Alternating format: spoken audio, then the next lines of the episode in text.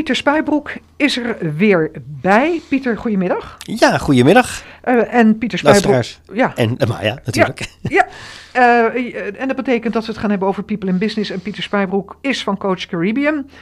Um, wat wil jij vandaag aan de kaak stellen? Nou, we zitten natuurlijk uh, aan het uh, begin van het nieuwe jaar. En uh, dat is vaak ook de periode waarin je afspraken gaat maken met je medewerkers. En dus leek het me wel, wel handig om een aantal tips mee te geven voor het voeren van startgesprekken met je medewerkers als leidinggevende. Om, om ervoor te zorgen dat je goede afspraken maakt van wat je verwacht van de medewerkers voor dit jaar. Ja, en dat heeft dan geen fluit te maken met of, of, je, hier, of, je, of je er al twintig jaar werkt of dat je afgelopen jaar bent aangenomen. Die regels, die, dat geldt voor iedereen. Precies. In dit geval noemen we dus het startgesprek, het startgesprek voor het nieuwe jaar voor iedereen die, uh, uh, ja, die bepaalde resultaten natuurlijk moet halen. Oké. Okay. En dat zijn we eigenlijk allemaal. Ja, Oké, nou wat, wat, wat, wat wil jij als uh, punt aanvoeren? Nou, tip nummer één um, is uh, hoe beter je een gesprek uh, structureert, hoe beter je ook tot het resultaat kan komen. Ook al was het dat je dan al van tevoren goed weet wat je onder het resultaat verstaat. En daarom is tip nummer één, maak een agenda. Um, stel gezamenlijk vast met de medewerker met wie je het gesprek hebt wat er aan de orde gaat komen, wat uh, uh, en op welke manier en in welke volgorde je dat gaat doen.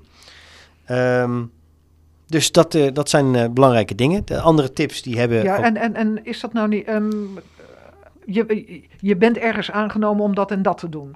Dus dat weet je eigenlijk al, wat je moet doen. Ja, maar je kan ook zeggen van nou weet je, we zijn eind vorig jaar zijn dit en dit de resultaten geweest.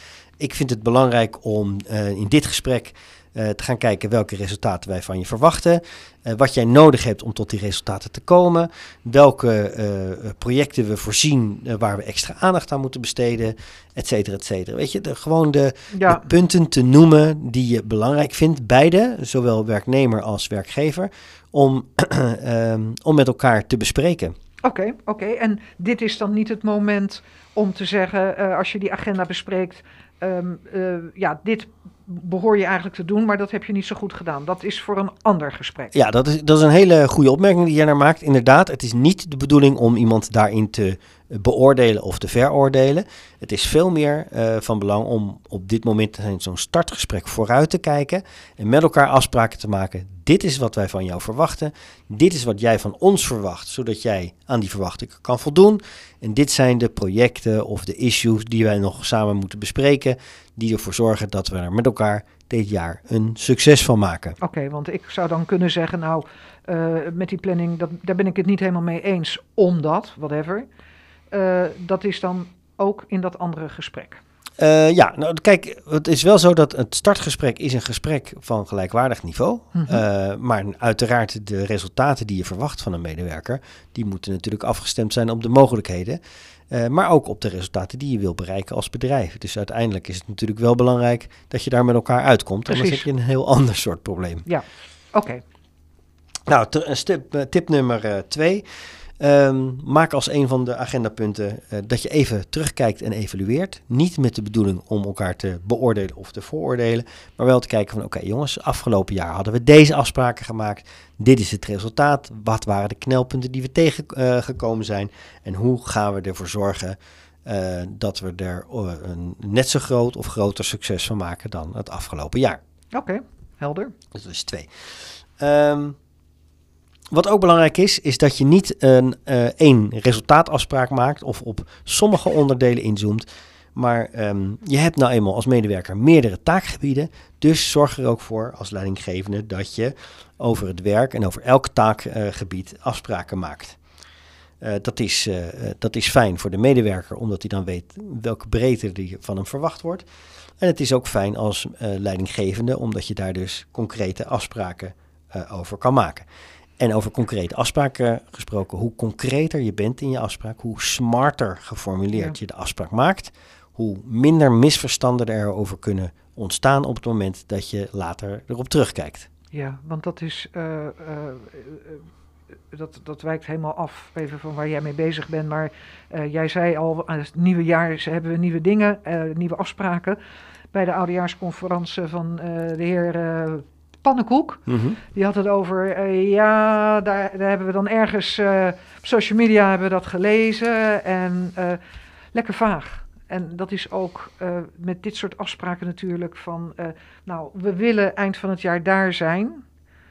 En als dat heel groot is en, en, en niet afgebakend, ja, dan kan het heel goed en heel slecht zijn eigenlijk, want daar is dan daar. Ja. Dus dat moet echt, we willen bij 100 zijn, dus niet bij, bij 93, en, eh, Ja. toch? Ja. en wat is er voor nodig om jou bij 100 te krijgen?